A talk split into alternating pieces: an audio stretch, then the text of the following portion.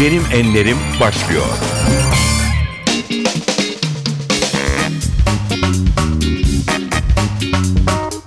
NTV Radyo'nun Benim Enlerim programına hoş geldiniz. Ben Aynur Altunkaş. Bugün yazar ve müzisyen Kürşat Başar'la birlikteyiz.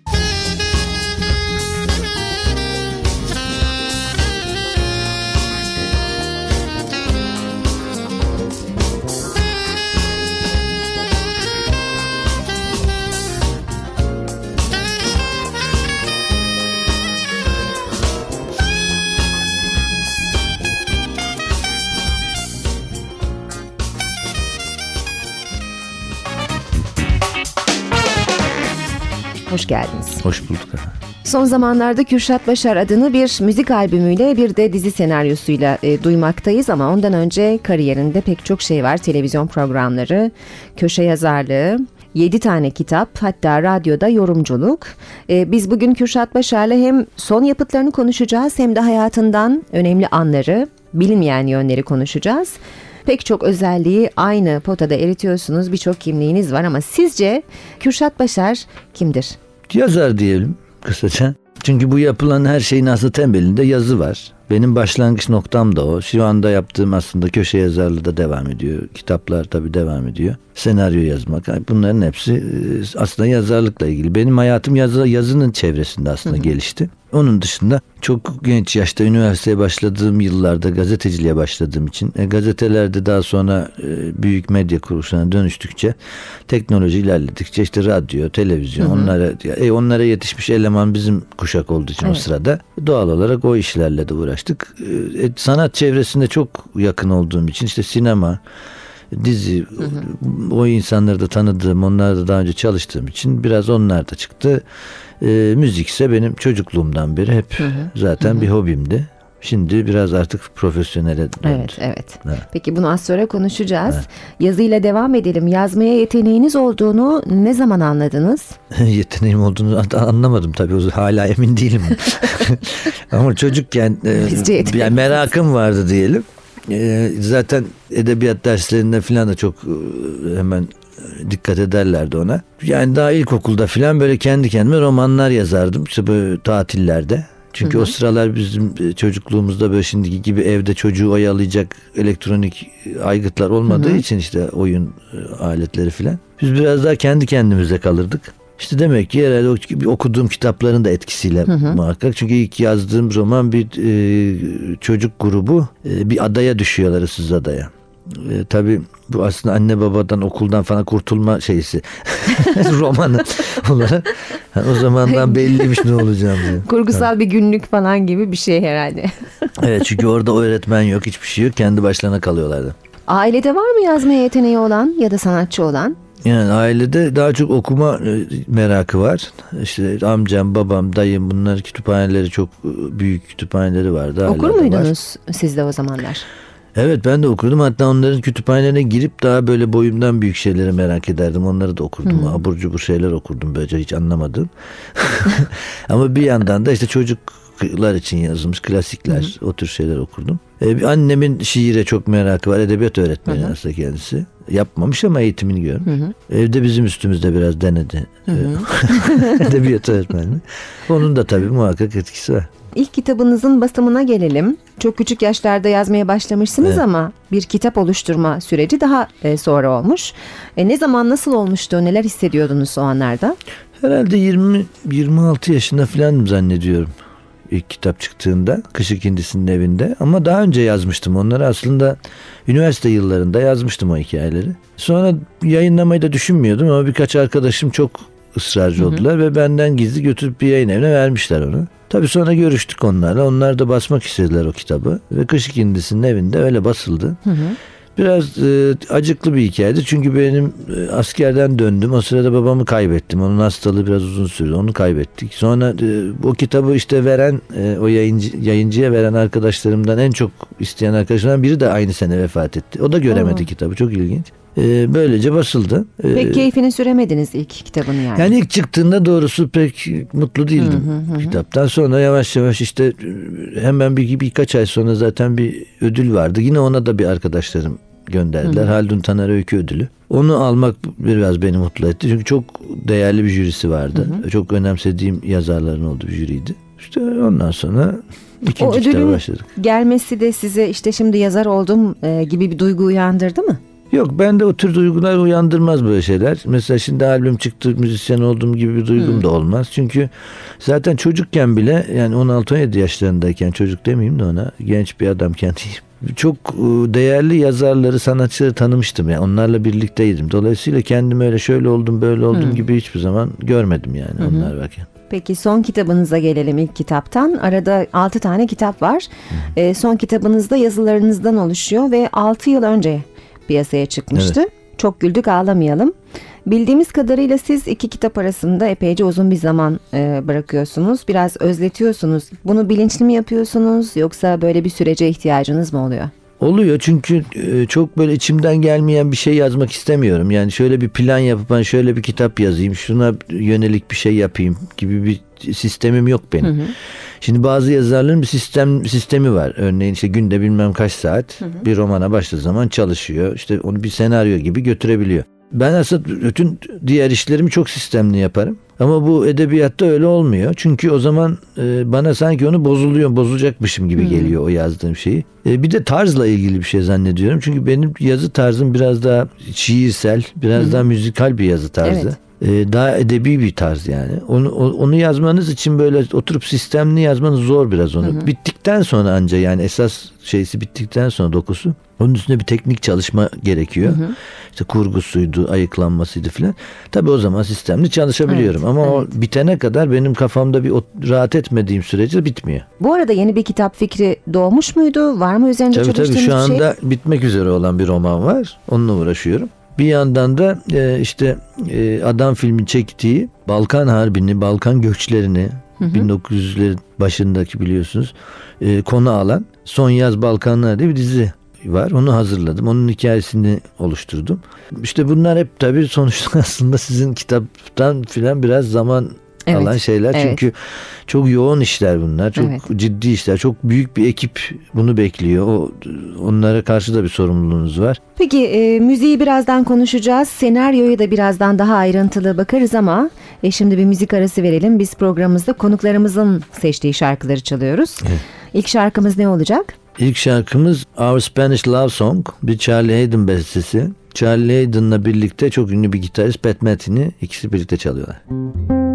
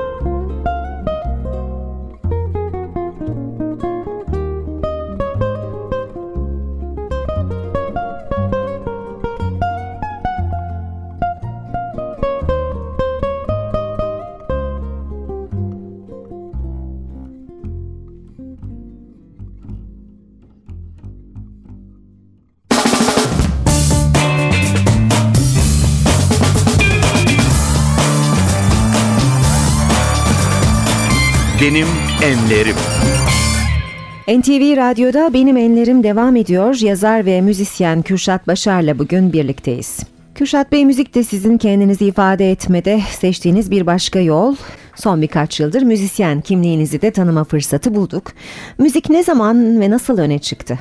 Ortaokul yıllarında aslında piyano dersleriyle başladı. Sonra o zamanlar tabii rock müzik dinlediğim için ben bu sefer bateriye, davula merak sarmıştım. Bir süre davul çaldım. Sonra iş hayatı başladı, okul başladı filan işte tabii zaman kalma kalmıyor bunlar için. Sonuçta bir grupta filan çalmayınca da evde davul çalamıyorsunuz Evet. doğal olarak filan. O da öyle gitti. Aradan epey bir zaman geçti. Daha sonra caz dinlemeye başladım zaten e, üniversite yıllarında. Cazda da saksafon çok sevdiğim bir enstrüman. Hani zaten ana sazlardan bir tanesi. Evet. Epey bir yıllar sonra tesadüfen bir saksafon buldum bir yerde. Aldım. Bir acaba dedim ben bunu çalabilir miyim? Bir deneyeyim filan. Ondan sonra biraz öyle çalıştım. Sonra bir iki e, arkadaşıma işte sevgili Tahsin Ünlü var e, bizim biraz bir şey gösterdi filan. E bir de evde tek başıma zaten ne çalacağım işte plakların üstüne filan çalıyordum biraz. Hmm. Ondan sonra sonra e, biz bu televizyon programına ara verince bir iki sene önce öyle bir boşluk doğdu tesadüfen. Tam da o sırada bir tesadüf eseri bir grupla e, buluşup işte şöyle yapalım mı böyle edelim mi derken çalmaya başladık. Evet. İşte kulüplerde bir iki şeyler çalmaya başlayınca filan iş biraz ciddiye bindi. Sonra ben piyanist dostum Burçin Büke ile e, bir grup kurunca iş iyicene ciddiye Evet. bindi. Artık e, yani yaklaşık bir seneye geçti. Şimdi bir buçuk senedir bayağı ciddi bir çalışma var. Kürşat Başar dörtlüsü. Evet. E, bu arada bir de müzikal var bizim şarkımız. O Evet. ne zaman oldu? O da Zeynep Talu ve Mehmet Ergen'in e, bana getirdikleri bir teklifti. Herhalde hem yazı hem müzikle de ilgim olduğu için düşünmüşler zannediyorum. Çünkü 70'li yılları anlatan bir şeydi.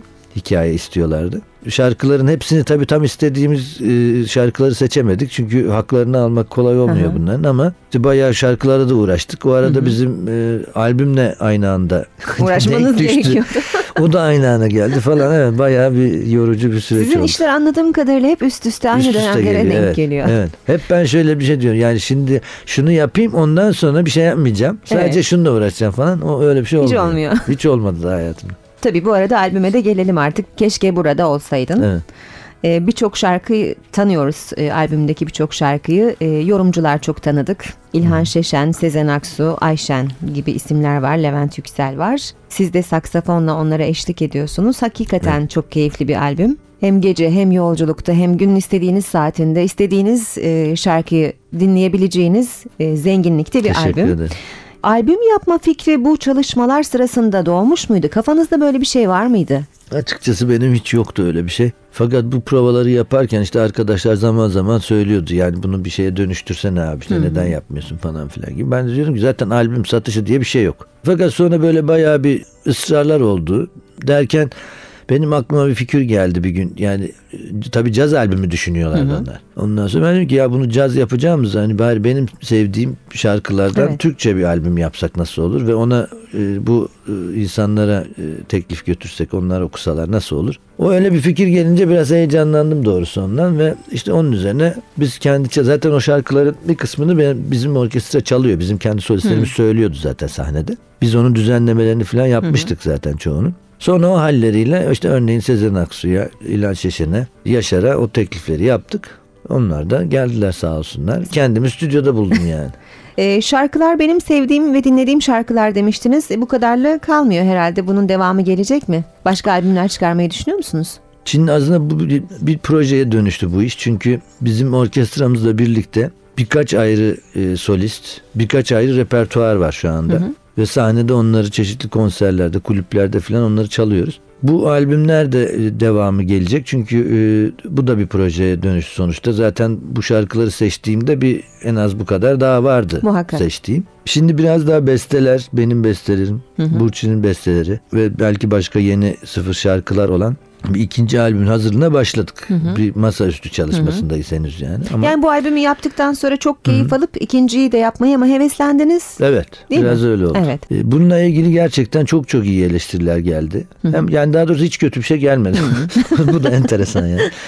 Ondan sonra, çünkü ben biraz da kızabilir bana dedim müzisyenler falan şimdi sana mı kaldı bu işler gibisine. Aksine müzisyen dostlarımızdan da sağ olsunlar çok güzel tepkiler aldık. Yani aslında çok titizlendiğimiz bir çalışmaydı. Ee, bütün burada bizimle birlikte olan solistler ki çok ünlü isimler düzenlemeyi buradaki ruhu bizim ne yapmaya çalıştığımızı çok iyi anladılar. Onun için zaten e, öyle bir keyifle gelip katıldılar. Sonuçta bu profesyonel bir iş değil onlar için.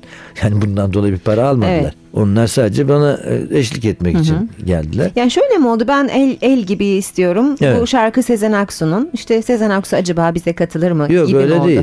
İlk düzenlemeleri yaptığımız zaman ben Sezen Hanım'ı aradım. Zaten çok eski dostum tabii. Dedim ki böyle bir şey, ha, bir o eksik kalmıştı iyi ettin gel gel bakalım falan dedi. Gittik biz de ona Burçin Büke ile birlikte piyanoda çaldık. Çok hoşuna gitti yani anlayışı çaldık nasıl bir şey yapacağımızı. Çok hoşuna gitti. Ondan sonra çok destekledi o fikri yani çok heyecanlandı. Ben ne yapabilirim ne istiyorsunuz benden dedi. Ben de dedim ki yani bir parça söylersen iyi olur. Ama sen seç istersen dedim. O da yok siz seçin dedi madem senin albümün sen seç dedi. El gibi de benim çok sevdiğim bir şarkıydı. Onu rica ettim. Tamam dedi. Onu söyledi. İlhan abi aradım bir gün. Sen benim şarkılarımsın. Çok çok sevdiğim bir şarkı. Biliyordu onu çok sevdiğimi ama müzisyen yönümü pek bilmiyordu. Böyle böyle bir şey var dedim. Sağ olsun kalktı geldi. O da ilk dinlediğinde daha çok heyecanlandı. Yani geldi o provaya bizim prova yaptığımız yere geldi üstelik. Ben çocuklara dedim ki yani siz çalın ama hiçbir şey söylemeyin ona. Ben ona dedim şöyle söylettireceğim. Yani o konuşur gibi Evet. söylettirmek istiyorum bu şarkıyı dedim. Tamam dediler çaldılar. Ben daha hiçbir şey söylemedim. Bir daha çalar mısınız dedi. Bir daha çaldık ve üstüne aynı benim düşündüğüm gibi okudu. Yani hiç Ne güzel söylemeden. tesadüf. Çok enteresan bir Evet, şey. evet. Evet. Yani demek ki o düzenleme onu istiyormuş Evet. zaten herhalde. Ortak ruh gibi bir şey olmuş. Yani onun için şimdi İlhan abiyle de sahne çalışmaları yapıyoruz. Birlikte konserler veriyoruz. En son Kıbrıs'ta verdik. Peki tekrar e, elinize sağlık diyelim. Şimdi yine müzik arası vereceğiz. Ne dinleyeceğiz? E, o zaman şimdi bir de bir vokal dinleyelim. Diane Kral çok iyi bir şarkıcı. Onun Look of Love diye bir şarkısı var. Peki az sonra yine karşınızda olacağız.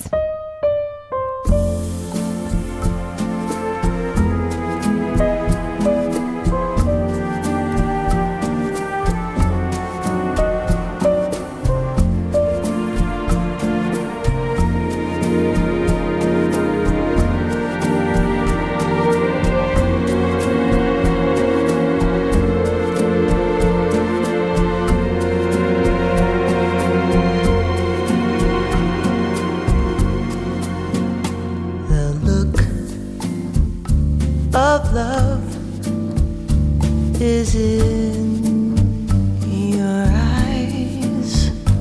A look your smile can't disguise. The look of love It's saying so much more than just words could ever say. And what my heart has heard, well, it takes my breath away. I can't hardly